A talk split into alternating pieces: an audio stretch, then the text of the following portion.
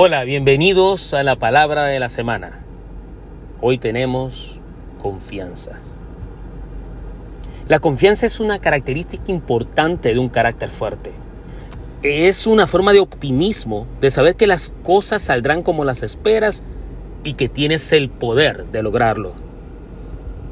La confianza es creer en uno mismo, sentirse cómodo con quien uno realmente es, sabiendo tu valor. Si tienes confianza, la gente también creerá en ti.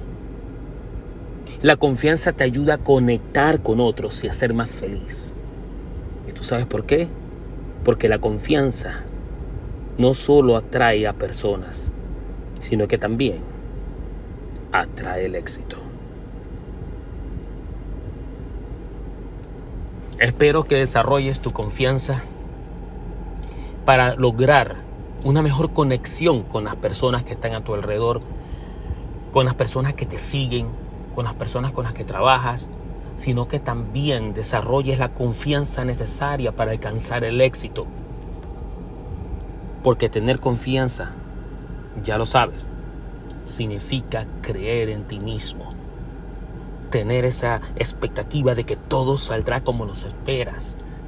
Y sobre todo, que tienes el poder de lograrlo. Hasta la próxima.